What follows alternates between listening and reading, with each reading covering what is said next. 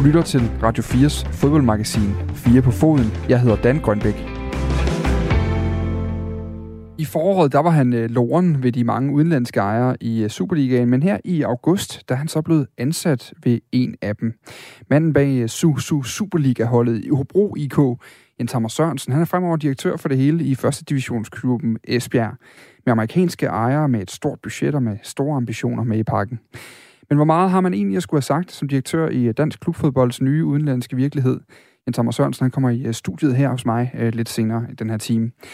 Så skal vi også forbi en af de helt store, der nu har fået ro. Gerd Müller med øh, titlen foran sit navn ofte, bare en München-legende, er gået bort efter rigtig lang tids sygdom, og i dag der husker vi tilbage sammen med Lykke Friis, der jo har fodbold og Bayern som sin store passion ved siden af arbejdet som Europa-analytiker. Men vi starter et øh, andet sted, meget langt væk fra tyske fodboldlegender og Moneyball i Esbjerg. Fodbolden er nemlig også af og til en linse, man kan få lov at se langt mere alvorlige menneskelige udfordringer igennem. Sådan er det lige nu med den helt forfærdelige situation i Afghanistan, som vi alle er vidner til. Hvordan det hænger sammen, det kan du høre lige om lidt. Det og meget mere i den kommende time. Nu er der nemlig fodboldradio. Rigtig hjertelig velkommen til Fire på Foden.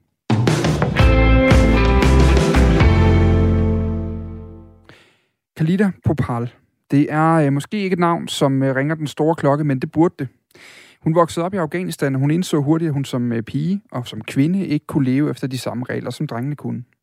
Selvom øh, Talibans styre var på tilbagetog i starten af nullerne, så var der stadig en øh, gennemgående forståelse af, at kvinder ikke skulle være som mænd, og at de ikke måtte det samme. I Kalita Popals tilfælde blev det synliggjort ved fodbold. Et spil, hun ikke måtte spille. Som modstand begyndte hun at spille fodbold med en håndfuld veninder efter skole, og det viste sig at blive startskuddet for det afghanske kvindelige fodboldlandshold på papiret en succeshistorie, men også en historie, som i de seneste dage er blevet til fortid på grund af Talibans overtagelse af landet.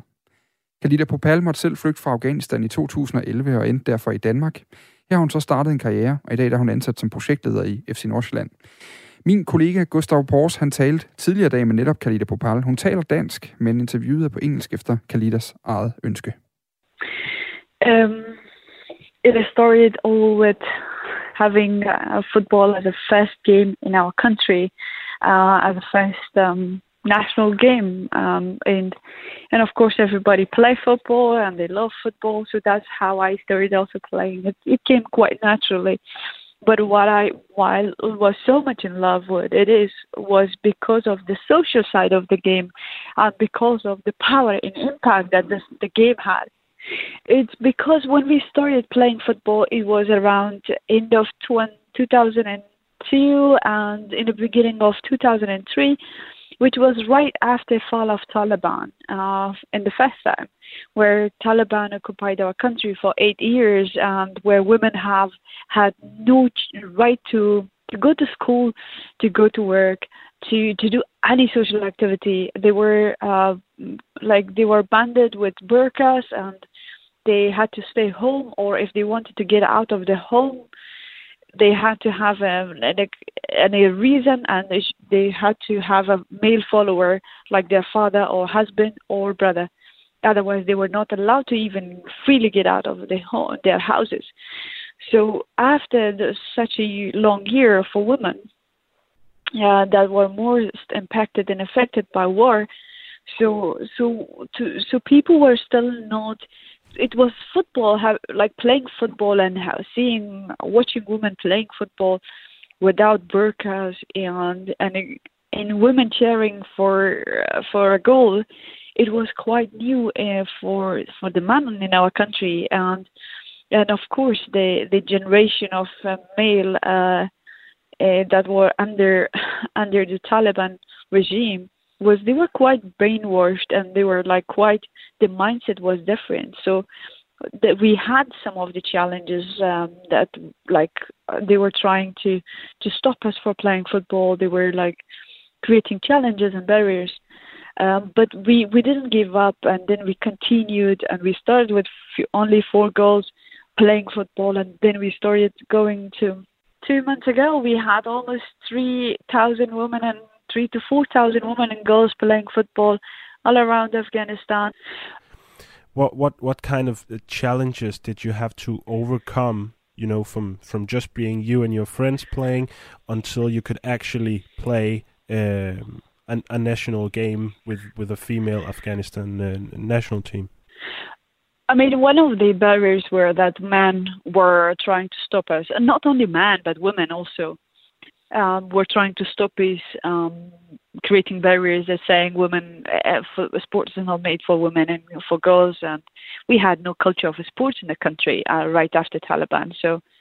So it was quite like new in, in the culture and country, and what they were trying to say is that this is a this is a mindset like came from outside, and this is um, taking our girls into into arenas that they shouldn't be exposed. Uh, but um, but we we changed that mindset. We overcome those that, that barrier fast, and when we started that campaign, and the the second barrier was that.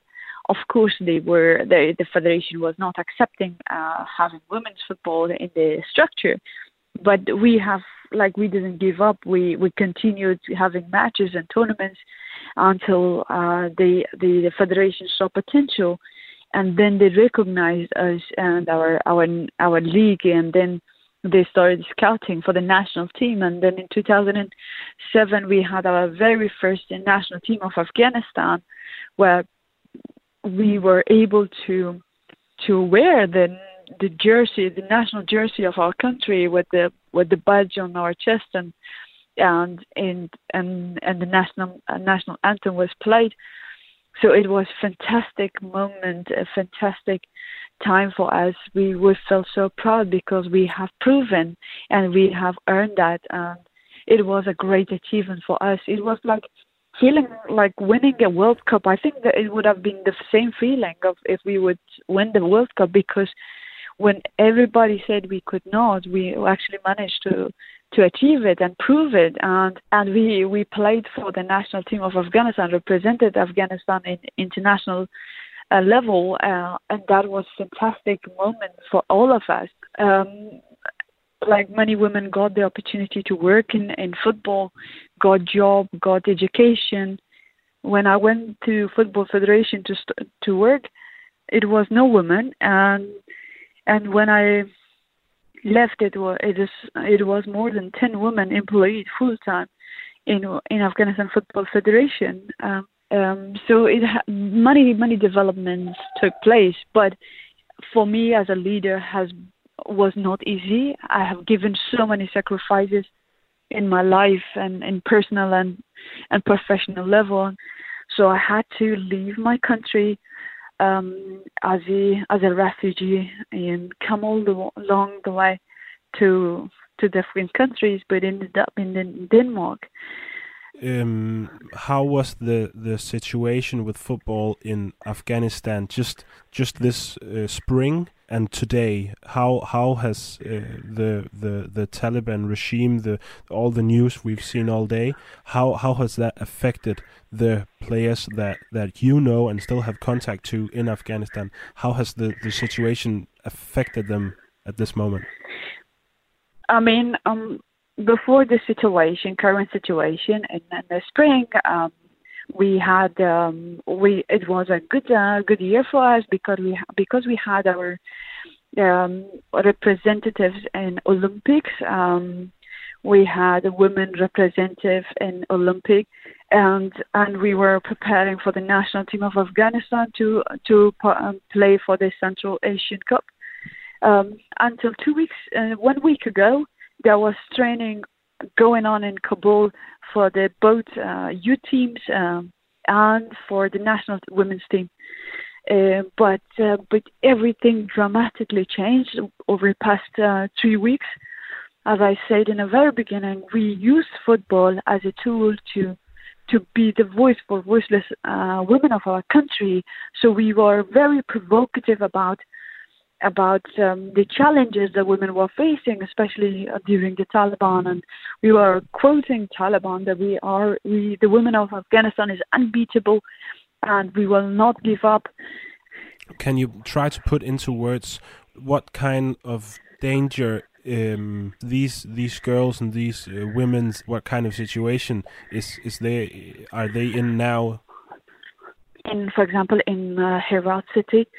Um, they have announced that um, so some of our our players went to school and to university to just like to make sure that if they they are still the same Taliban with the same ideology, so they were sent back home and. Uh, uh, and it was the announcement was that the women and girls are not allowed to go to school and to work to be active anymore. But the other thing is that they are announcing um, and asking for the information of the journalists, activists, and and people who are provo- uh, very vocal about Taliban, who are against Taliban.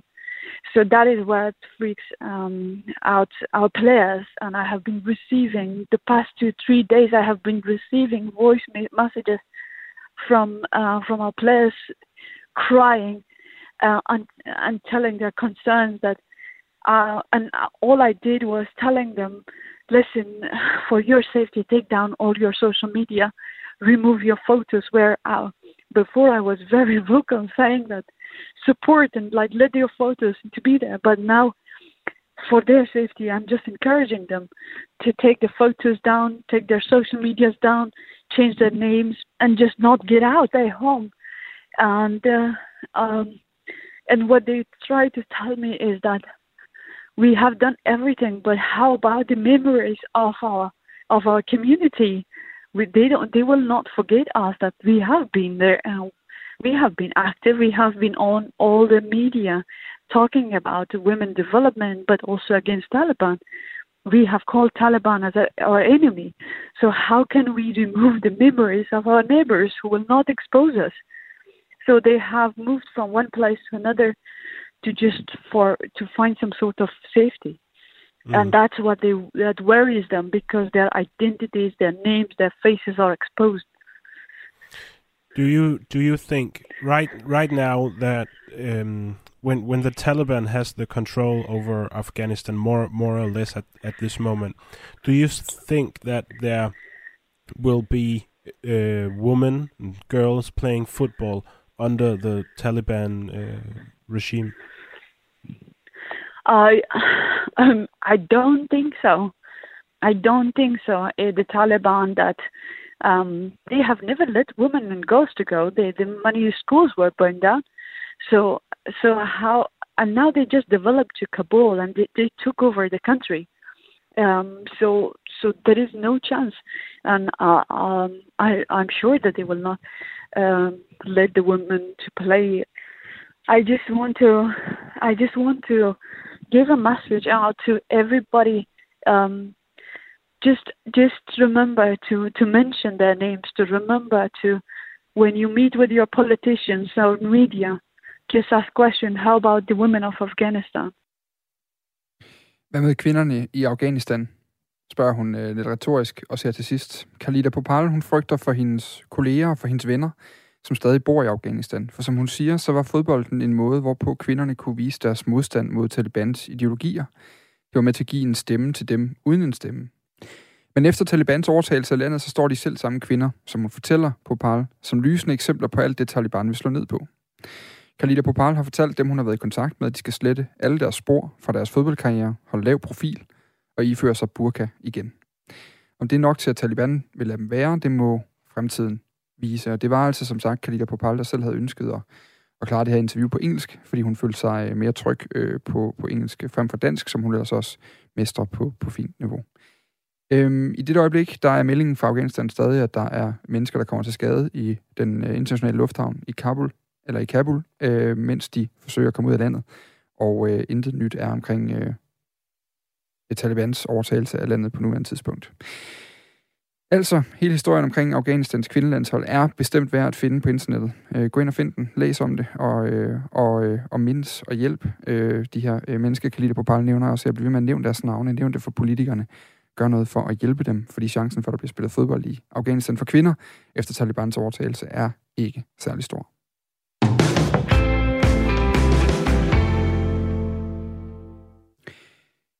Så venner, pausen er slut. Vi skal tilbage på arbejde. Darami han er på vej til udlandet for et 60 millionbeløb, hvis man skal tro øh, medierne i hvert fald. Lukaku han er blevet et af Chelseas største indkøb nogensinde, og PSG, ja, det er nærmest et helt kapitel for sig selv hvad de har foretaget sig i det her transfervindue. Det kan være svært at forstå alle de kæmpe transfers, som til synligheden foregår i præcis samme tempo, som de gjorde tidligere, når man ikke står længere fra en global økonomisk krise i fodboldverdenen, end vi gør her på ja, lige knap, øh, mens corona er gået ud af døren. Pænt goddag til dig, øh, Jesper Jørgensen. Tak. Du er øh, økonom, du er partner i konsulenthuset Deloitte, som øh, laver nogle af de mest øh, bredest anerkendte gennemgange af den europæiske fodboldøkonomi. Blandt andet har flest de fleste fodboldfans nok stiftet bekendtskab med Deloitte Money League, øh, der udkommer en gang om året, og som også øh, ligesom prøver at rangere økonomierne for de her superklubber.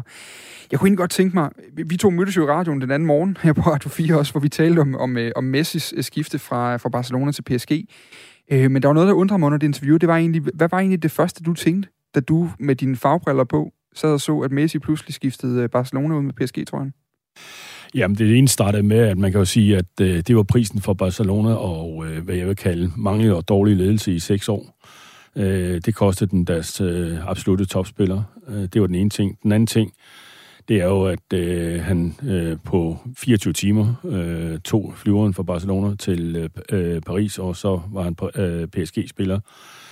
Øh, en klub, som jo, som du selv har nævnt, hen over sommeren har hentet flere spillere, dog øh, alle sammen, stort set alle sammen kendetegnet ved, at de ikke har betalt den tidligere klub noget, men det har været spillere, der har været fri af deres kontrakter. Så den var, at de sparer nogle penge, men de, øh, og men de har altså også godt nok brugt mange penge. PSG øh, er i den heldige situation som mange andre klubber, at øh, de har en meget, meget, meget rig øh, aktionær, som i virkelighedens verden er staten Katar, og øh, der skal ikke pumpes meget gas og olie i Katar, før at øh, de kan øh, finansiere budgettet i PSG. Det er jo, det er jo altså nu skal vi, vi skal blive klogere på den, på den sælgende part. Vi starter lige ved Barcelona, vi kommer videre til, en, til et uh, annual review, I netop har udgivet for, for kort tid siden, om hvordan det egentlig står til øh, i, i, i fodboldklubberne, i hvert fald i den periode, jeg har kigget på, tilbage fra 1920-sæsonen, som var, var under coronas øh, start, kan man sige. Men hvis vi lige starter med Barcelona her, så altså Barcelonas præsident, øh, Juan Laporta, han har så sent som i dag været ude på et pressemøde, og endnu en gang øh, ligesom tale, tale sin klagesang over økonomien i Barcelona, han har arvet som ny præsident. Øh, men han siger, at selv post-Messi, der bruger man stadig øh, mere alene på lønninger, end man har i, i indtægter i klubben. Vi, vi har jo tidligere talt om, at nogle af de her klubber simpelthen er for store til at knække. Altså, men, men, men hvor skidt står det til i en klub som Barcelona, øh, hvis, vi skal, hvis vi skal tro på det, der kommer fra de her pressekonferencer i øjeblikket? Jamen, det står rigtig, rigtig skidt til i Barcelona. Øh, jeg, øh, øh, Laporte skulle selv have meldt ud, at øh, de har øh, skylder flere penge væk, end de har, og øh, de har en øh, negativ formue på over 3 milliarder kroner. Så den, den er øh, rigtig, rigtig alvorlig. Og øh, det er jo en situation, de, ja, han har sagt, dem har de selv bragt sig i. Øh, det er sådan set, øh, corona er en meget lille del af det. Det er sådan set nok bare den, der har skubbet til det, så det er helt er væltet. Øh, når Barcelona har havnet i den situation, øh, så er det det, som jeg sagde før, det er dårlig ledelse i seks år. Øh, vi skal skrue tiden tilbage til 2015, øh, hvor øh, de sidste vandt Champions League. Øh, man nævnte ikke at finde nye erstatninger for Iniesta og, og Sarve, som var absolut to nøglespillere, vel de to vigtigste spillere efter Messi, øh, for den succes, som øh, Barcelona har haft i 10 år. Øh, man solgte Neymar, fik rigtig mange penge for ham, øh, og øh, i stedet for at passe lidt på dem og bruge dem med omtanke, øh, brugte man den absolut uden omtanke. Man øh, lå sig lokke til at betale øh, 160 øh, millioner euro for øh, Dembélé, øh, 120 millioner for Coutinho. Øh, Dembélé var jo ganske vist et stort talent, men han var et stort talent med potentiale, og man betalte jo dybest set, øh, som om han var en fuldvoksen og, og en øh, spiller, der igennem mange år havde øh, øh, øh, performet på højeste niveau, hvad han jo ikke havde. Han var en, der var på vej op. Så øh, man brugte øh, pengene, øh, og den sidste var vel Griezmann, hvor man også betalte øh, et, et enormt beløb for at få ham. Mm. Øh, så man betalte enorme transfer, som var helt ude af, af proportioner. Og desværre, de samme spillere har jo stort set ikke slået til nogen af dem. Mm. Så, øh, så derfor er man ind i, i, i den kattepine, man er i nu. Ja, det er lige et begreb, vi lige skal have ud af verden, inden vi, inden vi går videre. Altså det her med, med, med negativ nettoformue, kan man sige, altså på det over 3 milliarder kroner.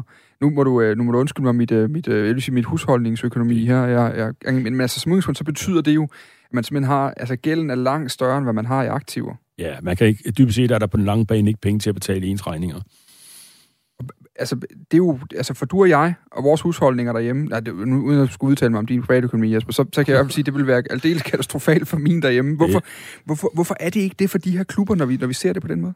Ja, men det, for nogle klubber bliver det også, og, altså, øh, og på den lange bane kommer øh, Barcelona også til at mærke det her. Øh, jamen, øh, dels kan der være øh, i nogle klubber, det gælder så ikke Barcelona, fordi de er medlemsejer, så kan man sige, jamen det kan være nogle aktionærer, man skylder pengene, som sådan set øh, ikke har nogen forventninger om at få pengene igen, før at der er penge i kassen til at betale.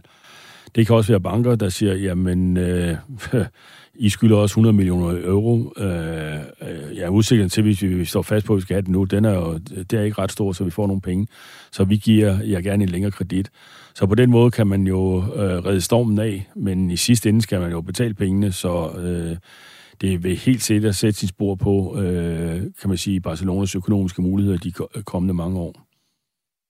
Og så kan vi jo så ligesom øh, kigge videre på det her, øh, det her annual review. Altså det er jo dybest set, hvor I øh, har kigget på økonomien i, i de største ligaer i Europa, og givet en vurdering ud af, hvordan det så ud. Det, der er interessant ved det her annual review, det er, at den, den ligesom taler ind i de første fire måneder af coronapandemiens øh, effekt på Europa, altså hvor fodboldstadions var lukket ned.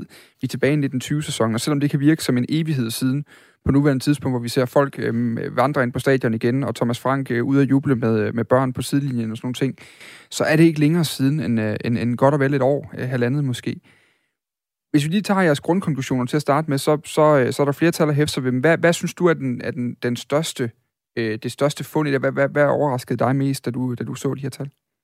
Jamen, øh, der er jo egentlig ikke så mange af tallene, fordi det var øh, sådan forventet, øh, at øh, omsætningen er gået tilbage. Øh, men, øh, og som du selv siger, det er jo kun fire måneder, så det, ikke, det var jo ikke en hel sæson. Øh, de regnskaber, der hedder sæsonen 2021, de kommer jo først lidt senere i år. Øh, så man kan sige, det, det tilbagesag, der var af klubberne øh, øh i 1920-sæsonen, det var, at øh, de kom tilbage til 17-18-niveauet. Øh, så det var, det var sådan på en eller anden øh, sæt til at leve med. Man fik også nogle aftaler på plads med tv-selskaber, noget som krævede rabat og alt muligt andet, der gjorde, at øh, man fik det til at hænge sammen. Øh, man kan jo sige, at øh, de regnskaber, vi kommer til at se fra 1920 her, øh, det, det er der, hvor øh, mange klubber i Europa kommer til at stå prøven og øh, har haft en hård tid i, i 1920. Mm. Øh, det er jo så nogenlunde hjulpet på, at man ikke har råd til at købe spillere, så øh, kan man sige, der har man sparet pengene at øh, tv-selskaberne har vist alle kampe, fordi det var sådan set den alternativ øh, til at komme ud, øh, kan man sige, til publikum. Så for eksempel Premier League, de har, kampene har ligget som perler på en snor, så de kunne gå direkte på tv over hele verden. Så det har, det har sådan på den ene side reddet klubberne øh, delvist. Øh, øh til gengæld har det selvfølgelig manglet alle tilskuerne. Mm. Hvor meget udgør det her med tilskuerne? Fordi det er det, man kalder matchday-indtægter, øh, og, og, og som udgangspunkt, så, så tror jeg også, jeg har haft en formodning om, i hvert fald det er det, man, der tyder på, at billedet, altså tv-aftalerne, de kommersielle partnerskaber, bliver større og større i de her år, for klubberne udgør en større og større del af deres indtægter. Hvor vigtig er den her matchday-indtægt egentlig stadigvæk for, for europæiske topklubber? Jamen lidt afhængig af hvilken liga du er, er i, så, så har I mere eller mindre betydning. Men lad os tage en Premier League-klub, der eller topklubberne i Premier League jamen det er måske 30 procent af deres omsætning, der, der kommer fra, fra matchday, mens resten af nogle af de her meget store globale øh, sponsoraftaler, man har, som jo så har kunnet godt af, fordi øh, at, at alle kampene er gået på tv, så øh, der sidder nogle globale sponsorer, som sådan set har været ganske tilfredse med det, de har fået leveret, fordi for dem er det måske ikke i første omgang så pås vigtigt, at øh, stadion er fyldt, øh, mm. men, men mere, at man kommer ud globalt.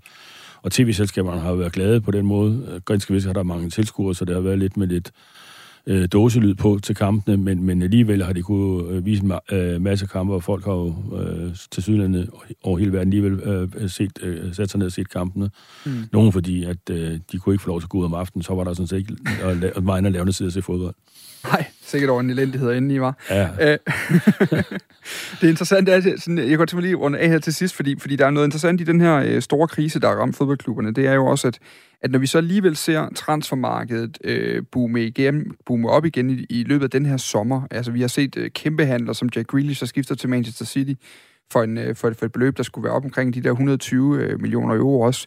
Øh, Romelu Lukaku, 115 millioner euro, Jadon Sancho, øh, 85, og så kommer de ellers dernede af som, som perler på en snor. Men der er hæftig aktivitet igen, også på de allerøverste hylder. Der kan det jo være svært at forstå, at det kan lade sig gøre øh, på bagkant af en coronapandemi. Altså, de her klubber, når de ikke er ramt hårdere, når de stadig har den investeringskraft, de har nu, men hvad skyldes det så? Jamen, jeg tror, der er flere årsager. Øh, den ene er, at øh, nogle af de der dyre kontrakter, man øh, har haft, de er ved at udløbe, så det giver luft økonomisk til at indgå nogle nye. Så er der nogle klubber, der er heldige at have nogle øh, ejere, der har dybe lommer.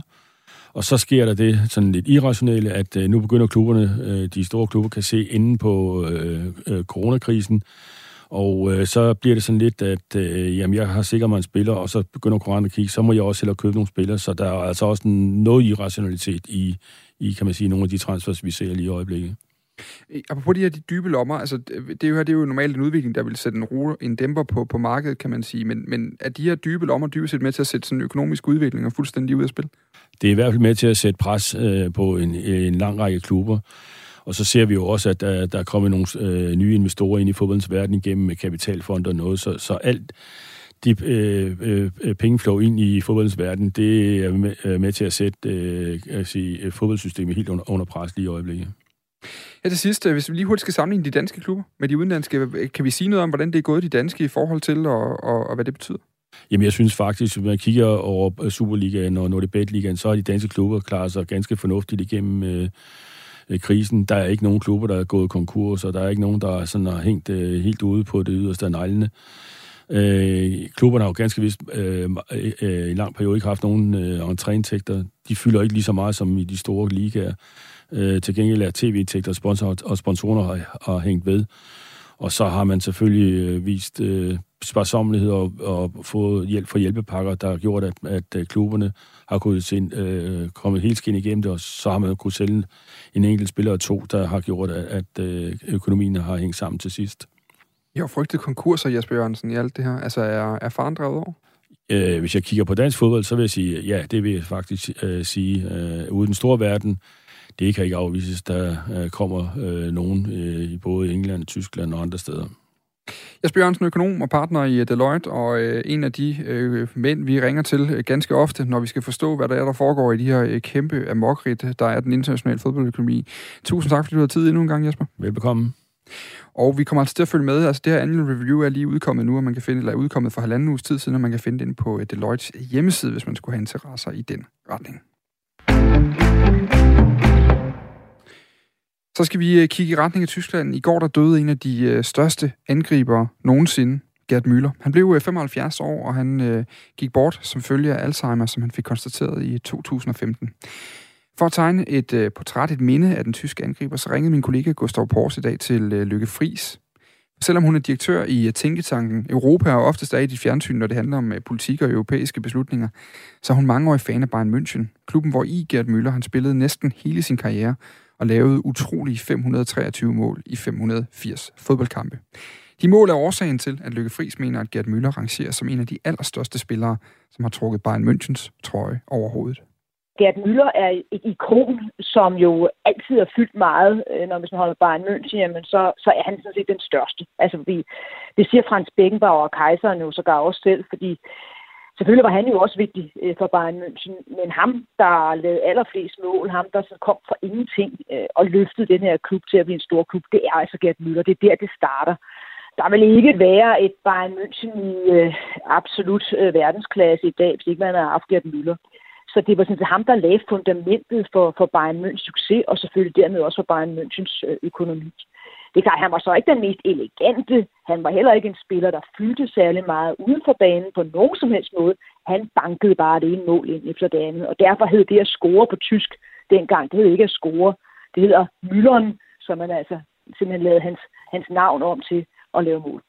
Og det er ikke bare hos øh, Bayern München, hvor Gerd Müller har en stor stjerne. Det har han også på det tyske landshold, blandt andet på grund af den her afgørende scoring i VM-finalen i 1974. I øvrigt på hjemmebane på det olympiske stadion i München. Jamen selvfølgelig må man jo have med, at årsagen til, at øh, Gerd Müller jo også øh, fylder så meget nu, kan man sige, når man ser på, hvor, hvor han nu er død, og hvordan alle klubber jo går ud i Tyskland øh, og lægger sig fladt ned øh, for Gerd Müller. Det hænger selvfølgelig også sammen. Han er jo ikke kun bare en Bayern München-stjerne, han spillede jo også en exceptionel stor rolle på det tyske landshold, eller det vesttyske landshold, som det jo var. Han var jo bomberne nation, det var jo det, der var hans, hans overordnede titel, kan man sige, og det var vel at mærke for hele Tyskland. Og så var Müller jo stor sådan en, der aldrig sagde noget. Altså, og, de, og derfor er han jo også en, som nu klart, nu er han jo væsentligt før de sociale medier, men han var jo ikke en, der, der gik ud i debatter eller førte sig frem på nogen som helst måde. Og det skal man jo i dag, kan man sige, for at blive, en helt stor superstjerne. Men det skulle man ikke dengang, med han ikke desto mindre en af de aller, allerstørste. Gert Müller han øh, slutter i Bayern München i 1979. Han spiller de sidste år af sin karriere i USA. Men selvom han laver 40 mål på to sæsoner derovre, så udvikler han samtidig et alkoholmisbrug. Han har store problemer med at kontrollere det. Han kommer tilbage fra USA har så fået et, et alkoholproblem. Øh, og klubben går ind så og, og redder ham, øh, bogstaveligt talt, øh, og, og giver ham alle mulige forskellige jobfunktioner i starten skal det ses som værende øh, job, hvor man jo simpelthen vil have ham tilbage på fod. Øh, men så bliver han jo blandt andet angrebstræner, øh, og man må jo tage det for gode varer, når Thomas Møller siger, at, at for ham var det altså afgørende, at han havde øh, Gert Møller som en af hans, øh, hans øh, personer, han kunne, han kunne tale med i starten af sin egen karriere, og selvfølgelig så også som, som hans angrebstræner. Men det var jo klart fra starten af, fordi Gert Møller jo ikke er nogen intellektuel type, eller en, der sådan kunne, kunne virkelig føre sig frem i, i de store talkshow i Tyskland, det havde Gert Müller aldrig nogensinde i sig. Så derfor er det selvfølgelig nogle helt andre jobs i anførselstegn, han har haft hos Bayern München. Gert Müller, han blev aldrig cheftræner, han blev aldrig direktør, han blev heller aldrig mediedarling, som flere af hans øh, medspillere blev det. Uli Hønes, Karl-Heinz Rummenigge og Franz Beckenbauer. Og også selvom flere af hans rekorder er blevet slået af Lewandowski og Messi efterfølgende, jamen så vil Gert Müller altid stå som manden, der tog Bayern München – fra den næstbedste række til toppen af Europa, ifølge Lykke Friis. Hvil i fred, Gert Müller.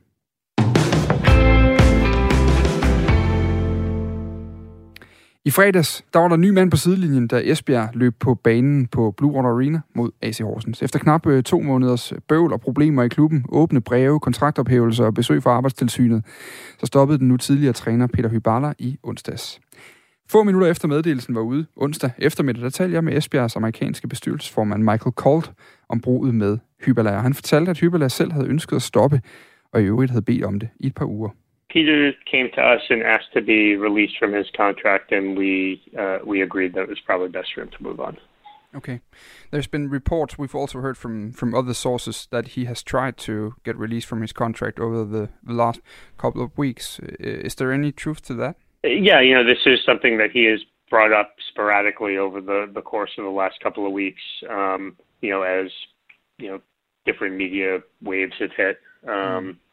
So, uh, yeah, I think it's fair to say over the last couple of weeks he's at various times asked to be released and then given it more thought and came back. But um, I think he, he kind of finally hit his point that, uh, you know, he, he didn't think he was going to be able to effectively lead the club any longer. And, uh, you know, we, we came to a similar conclusion, so we you know fairly quickly uh, came to an agreement about his release. Han fortæller her, Michael Colt, at øh, Peter Hybel simpelthen selv vurderede, at han ikke øh, længere ville kunne øh, drive klubben eller køre holdet på et tilfredsstillende niveau, og derfor var han nødt til at tage sin, sin afsked. Og matchet med Hybel, det blev aldrig rigtig godt. Altså faktisk så ville bestyrelsesformand Michael Colt gerne acceptere, da jeg talte med ham, at ansættelsen nok havde været en fejl fra start af.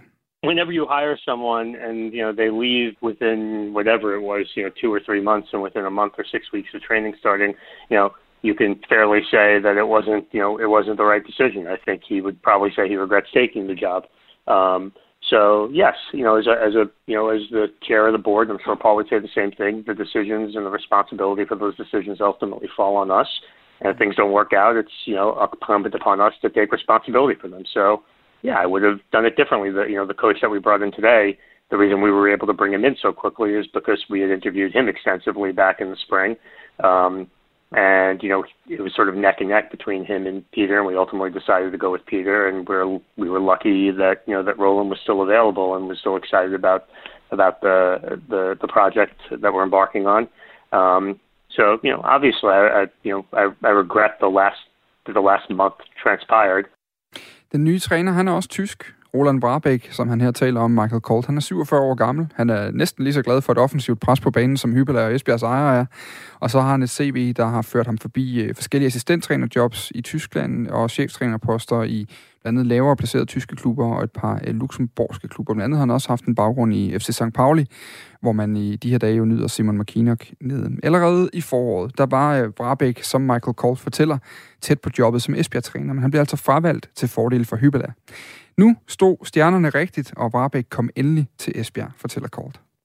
Well, uh, look, I mean, for us, the the issue was, you know, we had, you know, we we were fortunate enough in this process that we kind of had sort of a one and one A when we were going through it to begin with. So, you know, when we realized we were getting to the point where we were probably going to have to make a change with Peter, you know, my response to him was, look, you if you want to go, we agree. but we don't want to have a period where we have you know an interim manager for for a month or what have you. Um, particularly after seeing what the results were in, in September. Uh, sorry, on Saturday, and you know, and Roland, you know, was someone that we knew and we were prepared and would have been comfortable giving the job in, in the spring. So for us, our you know the you know our only choice or the only you know option immediately was let's see if Roland's still available and still interested because he's someone we knew we were comfortable with, um, and luckily he was.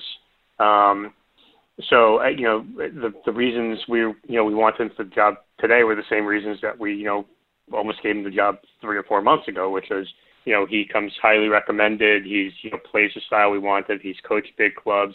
He's you know you know deeply deeply experienced. So you know all those things um, you know were highly attractive to us. Um, and still are, and you know, especially given the last, you know, what's gone on the last month, I think temperamentally, um, you know, I think he's, you know, he's the right person right now to kind of calm things down, get the squad under control, get back to basically focusing on, on, you know, on the on the pitch, um, and you know, rather than dealing with things off the pitch, you know, constantly, which is really was Peter's experience for the last month, and you know, ultimately resulted in what we saw, you know, uh, you know, uh, on the pitch for the first few matches. Sidst men ikke mindst, så har Vrabæk også fået, ja, skal vi kalde det, mere tydelige instruktioner om, hvad man gør og ikke gør i Danmark. Uh, Michael Colt, uh, have you told Roland Vrabæk, when he became hired now, that uh, what you would call small dashes on the players and pictures of bodies and uh, sheriff stars, that's not a thing we do here? Uh, I, you know, I certainly informed him that he needs to be, you know, more, uh, you know, there are certain norms in Denmark that may be different than what he's used to in the other places he's been. Og øh, det er altså øh, det sidste ord, der var for Michael Colt om, øh, om den nye træner Roland Barbæk, som altså fik øh, debut med en uafgjort i, øh, i fredags. Men selvom øh, trænervalget har fyldt mest, så var der også en anden nyhed pakket ind i Hybelas exit i onsdags. Den hidtidige direktør, Brian Bro Knudsen, han stopper nemlig i klubben og bliver afløst af tidligere sportsdirektør i Hobro IK, Jens Hammer Sørensen. Og den gode Jens Hammer Sørensen, han er faktisk med i studiet her nu. Velkommen til, Jens. Tak. Jeg skal dig til at snakke lige ind i mikrofonen, så vi ja. er sikre på, at alle kan høre dig. Er det bedre? Jamen, jeg kunne godt tænke mig at starte med et uh, citat fra Tipsbladet i foråret, ja. hvor du lavede et større interview. Uh, der er der et citat, der hedder, Jeg vil gerne spørge på et helt overordnet plan, om det er sundt for dansk fodbold, at Sønderjyske bliver købt, at Esbjerg bliver købt. Vi læser alle steder, at Silkeborg til salg, selv en stor, fin klub som Aalborg til salg. Er det sundt? Og det er virkelig et spørgsmål. Jeg er usikker. Nu har du haft jobbet i 3-4-5 dage. Hvad, hvad siger din mavefornemmelse nu? Er det sundt? Altså det, det jeg jo egentlig gik i depression for i foråret, der, det er altså sådan på et helt overordnet plan at spørge, øh, om det er sundt for dansk fodbold med, med udenlandske ejere. Ja. Øh, og det var faktisk, øh, altså nu gik jeg sådan lidt, altså jeg synes jo faktisk, det er et tværægget svært, fordi altså jeg synes jo, at jeg har selv været med i divisionsforeningen, hvor det, det er os selv, altså vi har jo ikke andre at klandre end os selv der har lavet de termer her, hvor under vi spiller nu, altså med en 12-hold Superliga. Og det, jeg forsøgte at sætte ord på i foråret, det er, at dem, der ender med at være i Superligaen, de få 12 hold, der er, at dem, der vil alle gerne i top 6, fordi så har man et halvt år, hvor man ikke rykker ud. Men det er bare svært at konkurrere på de parametre, der hedder økonomi og render sig svært ved at generere penge i sit lokalområde til at kunne finde en, øh, et spillerbudget til 40 millioner, fordi det har de i Aalborg, og det har de i Odense. Så, så vi, vi har ligesom malet os selv op i et hjørne, hvor, vi, hvor det kræver mange penge, og det, mm. det er bare svært at generere.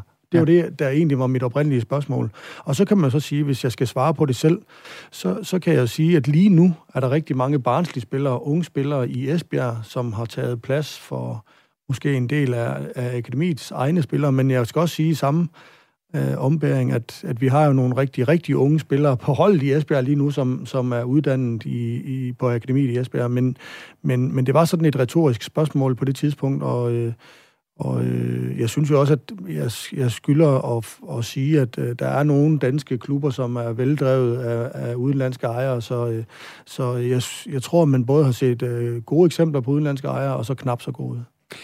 Og nu, nu skal vi selvfølgelig også lige komme tilbage til det. Tillykke med jobbet. Ja, tak. Som ny tak. direktør i Esbjerg. Øh, du har jo skiftet titel fra at være sådan primært sportslig ja. øh, direktør til nu at være administrerende direktør i, ja. i Esbjerg FB.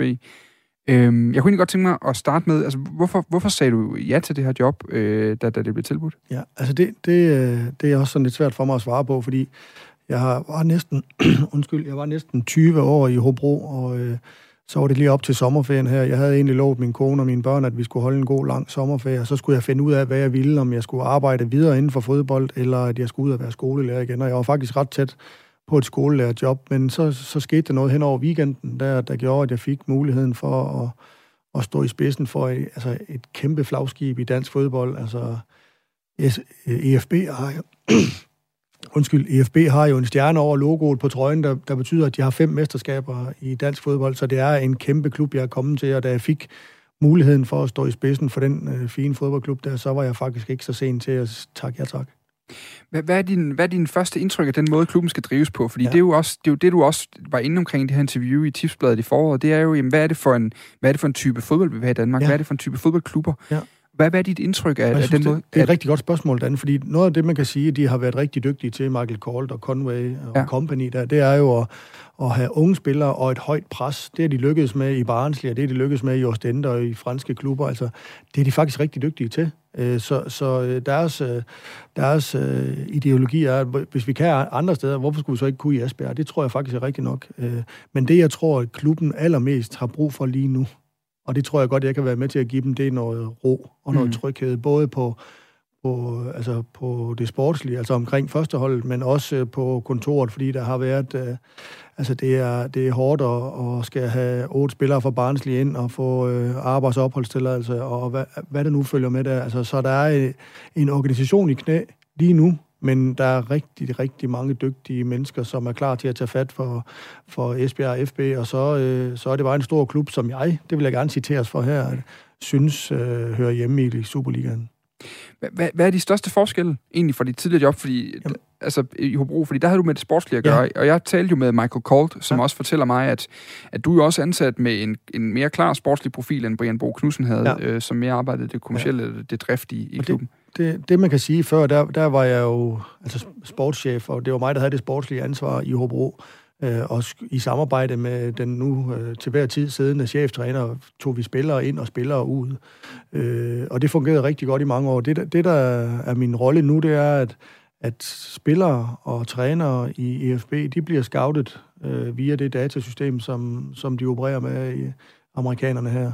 Øh, og det har været en klar præmis fra starten. Det, det jeg skal gøre, det er, at øh, jeg bliver den daglige leder for den sportslige organisation. Så, så træneren, han, han refererer til mig, og øh, det tror jeg, de har haft brug for i Esbjerg.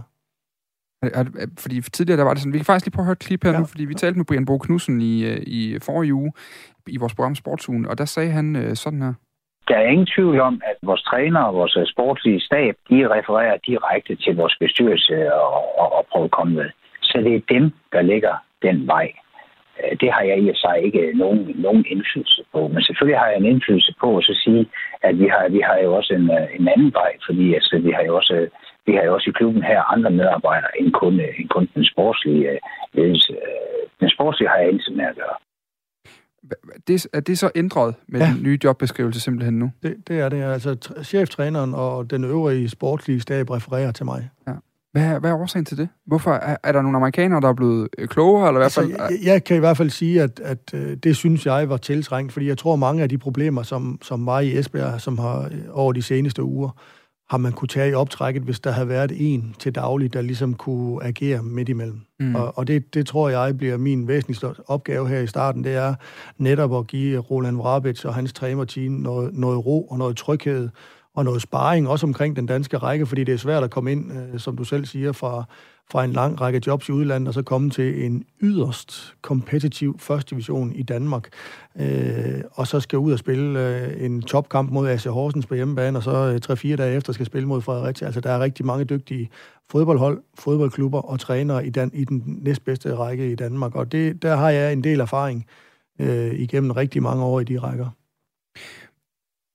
Vi kender dig jo som... Øhm, den en her... venlig mand. Ja, men det, tak, det er jo lige præcis ordet. Jamen, som, jamen, som den, måske, måske den, øh, den venligste sportsdirektør i dansk fodbold, fra da du var i Hobro. Manden, der har sat sig ned i omklædningsrummet, når der skulle spilles vigtige kampe, ja. og jeg gik meget op i, at alle, uanset om det var, øh, jeg vil lige sige, kantinemedhjælperen, eller om det var øh, spilleren, havde det godt. Havde du taget det her job, hvis, hvis Hyberla stadig var der? Altså det der miljø, der har været i Esbjerg, hvordan, hvordan, hvordan øh, så du det? Altså det, det øh, synes jeg også er et rigtig godt spørgsmål, fordi det er jo noget af det, der er rigtig væsentligt for mig, og noget af det, jeg tror på faktisk giver point, fordi det er det, øh, der driver mig, Dan, det er, at man at vinde fodboldkampe i bund og grund. Mm. Øh, og jeg, jeg, jeg vil rigtig gerne skaffe øh, spillerne de bedste vilkår til at kunne... Øh, agere bedst muligt om søndagen, fordi som jeg sagde før, så er det nogle rigtig dygtige hold, man skal spille imod, og det kræver bare, at man har et godt arbejdsmiljø, at man har det rart, og at der er så få ting som muligt, de skal tænke på, udover at præstere på fodboldbanen, og det tror jeg på, at man gør bedst ved, at man er i et godt og et sundt træningsmiljø, og man, man har respekt for hinanden, og man er ordentlig ved hinanden. Og det, det med ordentlighed, det, det har jeg sagt til amerikanerne, det er rigtig vigtigt for mig, både at alle på kontoret og øh, frivillige og, og øh, samarbejdspartnere i IFB, øh, og også herunder fodboldspillere og holdledere, hvad der ellers måtte være ansatte, mm. de bliver behandlet ordentligt og med respekt. Det er et kardinalpunkt for mig. Og, og, og det må jeg så tage som en ændring i forhold til det, der har været, eller hvordan? Nej, det, det kan jeg ikke lige at sige, fordi jeg synes også, det er sådan lidt at sparke bagud mod Brian, og det, det, det er jeg slet ikke interesseret i. Det jeg bare kan konstatere, det er, at der har været nogle spillere, som har haft det rigtig vanskeligt under den tidligere træner. Mm. Og hvad der er sket der, det ved jeg heldigvis ikke, men man kan sige, at vi har taget en, en anden drejning ved, at vi allerede nu har Kevin Conboy og Jure i, træning i dag med første hold, fordi altså, alle skal have en frisk start, og det skal de to så sandelig også, og de skal behandles ordentligt. Men jeg er mere ude efter, om du har så stillet krav modsatte vej, og de ringer til dig i weekenden, og velkommen hjem på ferie, Jens. Øh, vi har hørt, du skal være skolelærer, det synes vi er en rigtig dårlig idé. Ja. Vi synes derfor, du skal være direktør hernede. Sagde du så bare ja med det samme? Fordi det har jo så også været, øh, det har også været præ-Hybela, øh, hans exit, at de har haft snakket med dig, for det må ja. næsten have været for i weekend. Altså, ja. Jeg kan sige, at, at det var et kardinalpunkt for mig. Hvis jeg skulle starte i EFB, så øh, skulle der helt friske øjne på, og så skulle det også gerne være med en ny cheftræner. Der er jo det her med, hvor meget, meget skal der rettes op på, altså med det her arbejdsmiljø? Fordi en ting er jo, hvor meget, øh, det var det, jeg talte med Michael Calder om også, det var, ja. om man fortrød de her spillere, der har forladt klubben. Der er en Kasper Pedersen, der er en Patrick Elund, der er Mads Kickenborg, og øh, og Jakob Ankersen. Altså, det er, jo, det er jo store profiler, og, ja. og også øh, for Elund og, og Kickenborgs vedkommende også hjemmeavlede store profiler. Kickenborg ja. blev sæsonens spiller sidste år, kåret af fansen, ikke? Altså, da jeg spurgte ham ind til, om man fortrød det, så sagde han, nej, der skulle ryddes ud alligevel, og det er så det, der er blevet her nu. Hvor meget har du at skulle rette op på, når du kommer ind og ligesom skal have, altså, skal det, have kardinalpunkterne ført ind? Det, det, jeg kan sige, det er, at, at så den, altså, når jeg nu siger, at det er en stor fodboldklub, jeg er kommet til, så, så, kunne de, altså, så kunne de fortælle mig, at der var mellem 1.500 og 200 mennesker på, på at se træningen den første dag, Roland og jeg var på arbejde. Altså, det er en kæmpe fodboldklub. Men det skal også siges, at den trup, jeg så den dag, de er rigtig mange, og, og der var både U19-spillere og udenlandske spillere, altså mm. øh, i en stor pærevælling, der var rigtig mange spillere, men det lignede ikke for mig en splittet trup overhovedet. Altså, de, de var glade, og de, øh, de trænede efter bedste evner, og der blev lavet god træning med mange dygtige trænere, så, så for mig at se, så, så, øh, så har det ligesom af sig selv gratis været en ny start, at det er kommet ind, men så sandelig endnu vigtigere, at der er kommet øh, et nyt trænerteam, og vi har også fået Rafa van der Farte ind som, som øh, en del af trænerteamet, og en ualmindelig dygtig fodboldspiller, kan jeg godt sige, men, men også en god fyr, som skaber noget godt humør.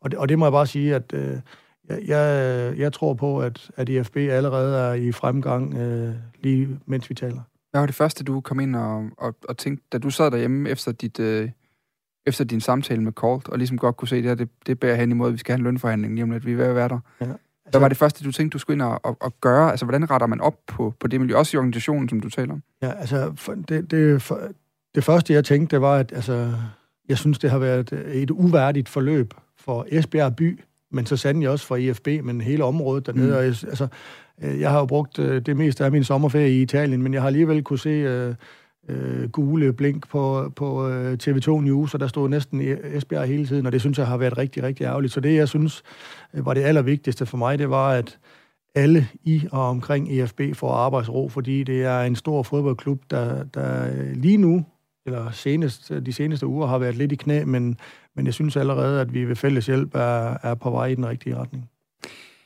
Jeg kan huske, vi talte sammen i foråret. Vi lavede faktisk et interview i det her ydmyge format, hvor, øh, hvor noget af det snakken også var omkring din, øh, dit, øh, din exit i Hobro, og, ja. og den måde, du stod på det op. Det var også noget, at man, man ligesom havde nogle diskussioner i Hobro om, hvor skulle man hen nu. Ja. Øhm, man ville gerne være top 18-klub i, i Danmark, og jeg kan huske, at du også sagde i det her interview med Tipsbladet, at Øh, jeg tror, det var cit, øh, citatet var noget i stil med, jeg kunne sige til ned med at lave meget fodbold i Hobro for 105 millioner kroner. Nu har du så de der 105 millioner ja. kroner i Esbjerg. Hvor meget fodbold får du lov til at lave? Ja. Fordi, altså, hvor meget, fordi du var inde på datasystemet også før. Ja. Hvordan kommer, kommer du også til at kunne have aftryk på de spillere, altså, man ser komme ind? Og det, og det var en klar præmis fra starten. Det var, at alle spillere ind og ud er igennem det datasystem her. Ja. Så, så jeg kan komme med forslag til øh, danske spillere, øh, som jeg synes kunne være en god idé at få ind, eller udenlandske spillere, øh, for den sags skyld. Men, men hvis jeg kommer med et forslag til en spiller, så skal, så skal vi have det igennem det datasystem, som de er rigtig, rigtig dygtige til, og så... Øh, spytter den et svar ud i den anden ende og siger, at det kunne være en god idé, at lad os prøve det, eller at han passer ikke ind i det high-pressing-system, som vi gerne vil forsøge at implementere i FB. Men, men kan du også, øh, for, du for eksempel som sportsdirektør eller som administrerende direktør, har du også ret til at sige nej til en spiller? Nej, det er ikke. Nej, det er systemet, der er i sidste ende. Ja. Hvordan er det? Jamen altså, det, det er jo noget helt nyt for mig, kan man sige, og, det, og jeg synes rent faktisk, det er spændende, fordi som jeg startede det her ud med at sige, så, så har de faktisk lavet resultater, og det er det, der driver mig, det er, at, at jeg synes, det er rigtig sjovt at vinde fodboldkampe, men, men de har jo lykkedes øh, med at vende øh, Barnsley, og nede i Ostende øh, ved jeg, at de overtog en klub med otte spillere på det tidspunkt, og de spillede faktisk med i toppen sidste år, så, så de kan deres kram på mange områder. Øh, og så tror jeg bare, at, det, at, at starten af fødslen i Esbjerg, den har været lidt svær, og det, skal, det vil jeg rigtig gerne være med til at, at få tilbage på ret kurs, og det synes jeg allerede, vi er. Mm. Til sidst, nu, jeg sad og kiggede lidt på Esbjergs trup i dag. Jeg tænker, jeg nok hellere lige ja. uh, kigge nærmere på spillerne. Jeg kan se lige pt, der er syv spillere hentet ind fra Barnsley ja. i England. Unge spillere alle sammen. Øh, og det er også noget, der har været kritik allerede nu, det er, om det kommer til at overtage. Er det strategien for nu af? Altså, hvordan ser du på den trup lige nu? Er det måde, man skal gøre det på? Ja, altså, det synes jeg jo nødvendigvis ikke, det er. Men, men jeg, jeg er også godt klar over, at hvis man vil implementere en ny spillestil, og der er nogle ting, som skulle ændres i Esbjerg, så er det godt at få spillere ind fra Barnsley, som havde været i det... Øh, øh, altså high pressing øh, fodbold i ja. et par år, som kender til, hvordan man skal træne det og sådan noget, og måske også er vant til at træne en lille smule hårdere, end vi er i Danmark lige pt. Øh, og det vil jeg gerne være med til, at, at vi kommer til at træne en lille smule hårdere i Esbjerg, men, men, men jeg tror, at de her drenge her, de er taget ind for og ligesom at kunne være med til at skabe en kultur, men jeg skal også være ærlig og sige, at at øh, jeg, jeg vil rigtig gerne øh, gå i depression for, at øh, der skal være et akademi i Esbjerg på allerøverste hylde i dansk fodbold, fordi som du startede med at sige, altså, de har produceret rigtig, rigtig mange øh, dygtige fodboldspillere i Esbjerg, og senest øh, tror jeg, der var en, der scorede to mål for selveste Barcelona i går, som, som har fået sin, øh, som har trådt sin barnesko i IFB. Mm. Så, så det har de virkelig været gode til, og det, det skal vi også fremadrettet. Der vil jeg rigtig gerne se øh, lokale Esbjerg-drenge på første hold i, øh, på Blue Water Arena i Esbjerg. Men betyder det ikke en ændring allerede nu, at der skal rykkes noget i truppen? Jo, altså, det, og, og det er noget af det, jeg synes, øh, jeg også gerne vil stå på mål for, det er, at vi skal, jeg vil gerne være med til ændringer, men det kan godt være, at vi skal gå en lille smule langsommere frem, end vi har gjort hidtil. Ja, til sidst. Ja. For et år siden, lad os bare sige år eller halvandet siden. Jeg var Hobro i Superligaen for halvandet år siden. Ja. ja. Så havde der ringet en eller anden nysgerrig journalist til dig og sagt, hvad, kunne du forestille dig, at du på et tidspunkt skal være chef ja. for Rafael van der Fart? Nej, ja, det, det vil jeg aldrig have troet, og jeg, jeg, jeg har været helt ærlig og, og, og set sådan lidt, jeg har jo haft tid til at reflektere e, efter øh, jeg stoppede i Hobro over tiden i Hobro der, og jeg har haft tilbud både fra ind- og udland om at arbejde i andre fodboldklubber, men det er helt ærligt. Jeg har aldrig troet, at jeg skulle være andre steder end Hobro IK, og det har fyldt så meget for mig, at, at, øh, at jeg har aldrig set mig selv andre steder. Men så fik jeg den mulighed her her i, i, nu her hen over sommeren, at, at jeg kunne prøve en anden fodboldklub, og øh, altså, der er bare fyldt med dygtige mennesker dernede, og det er Rafa van der Fart en af, og jeg troede ikke, at jeg skulle være chef for ham. Det, det vil jeg gerne indrømme. Har du været nervøs for, om du er dygtig nok til det her? Ja, nej, det er slet ikke noget. Altså, jeg har været nervøs for at, at skulle starte i en anden uh, fodboldklub, fordi i mine 40 år i dansk fodbold, der har jeg kun været i tre klubber. Ja. Min lille barndomsklub, og så var jeg i rigtig mange år i, i Randers Freja, Randers Freja FC, og så har jeg været næsten 20 år i Hobro, så, så jeg har ikke rigtig prøvet ret mange fodboldklubber, men, uh, men det, jeg har fundet ud af, det er, at der er mindst lige så gode og dygtige mennesker i Esbjerg, som der har været i de andre. Og så skal det hele nok gå på et eller andet tidspunkt alligevel. Det håber jeg. Vi glæder os til at følge med dernede, Jens Hammer Sørensen, øh, i, øh, i arbejdet i Esbjerg. Ja. Og øh, så må vi se, hvordan... Øh, Kom endelig forbi. Jamen, det må det ikke. Ja. Må det ikke. Det kan lykkes på et tidspunkt. Ja. Øh, lige inden jeg slipper dig, øh, hvad er egentlig din, øh, hvad, hvad er din, øh, hvad er din yndlingsfodboldtrøje? Min yndlingsfodboldtrøje? Ja, sådan visuelt. Hvad er altså, den bedste fodboldtrøje, der er lavet nogensinde? Altså, jeg kan jo godt... Ja, der er jo ingen øh, tvivl om, at jeg har holdt med Tottenham i mange år. Sådan en, øh, en Tottenham-trøje kan jeg godt lide. Men jeg kan også godt, øh, som jeg sagde før, så er jeg jo næsten opvokset, flaske, de Randers Freja. De, de blå og hvide striber der, dem er jeg jo kommet lidt tilbage til IFB, så dem synes jeg også klagen værd. På den anden side af nogle gange nyheder her kl. 18, der går mig og Jeppe Madsbad Lauritsen helt tæt på flodbådstrøjernes kommersielle og kulturelle udvikling, og vi skal blandt andet høre fra Thomas Bælum i OB. Han siger sådan her, da jeg sådan en dag snakkede med ham om den nye Macron-trøje og OB's øh, rolle som, øh, som trøjepusher. Vi er også en, en tøjvirksomhed, og den afdeling, der sidder med det, øh, og alle vores merchandise, det, det kører meget professionelt. Altså fra fodboldklub til tøjvirksomhed. Øh, hvordan den udvikling har fundet sted, og hvordan vi nåede dertil, det kan du høre på den anden side af kl. 18. Som sagt, så handler det om fodboldtrøjer. Jeg vil rigtig gerne have, at du byder ind. Du kan sende uh, sms'er ind til os. Du kan også uh, komme ind på vores Twitter-profil, hvor vi har et link den, og uh, eventuelt skrive, hvad det er for nogle uh, favorittrøjer, du har derude. Jeg kan sige så meget, at vi skal både en tur til Venedig, vi skal en tur til Aalborg, og så skal vi altså også uh, snakke meget, meget mere om de trøjer, vi alle sammen kigger på til daglig.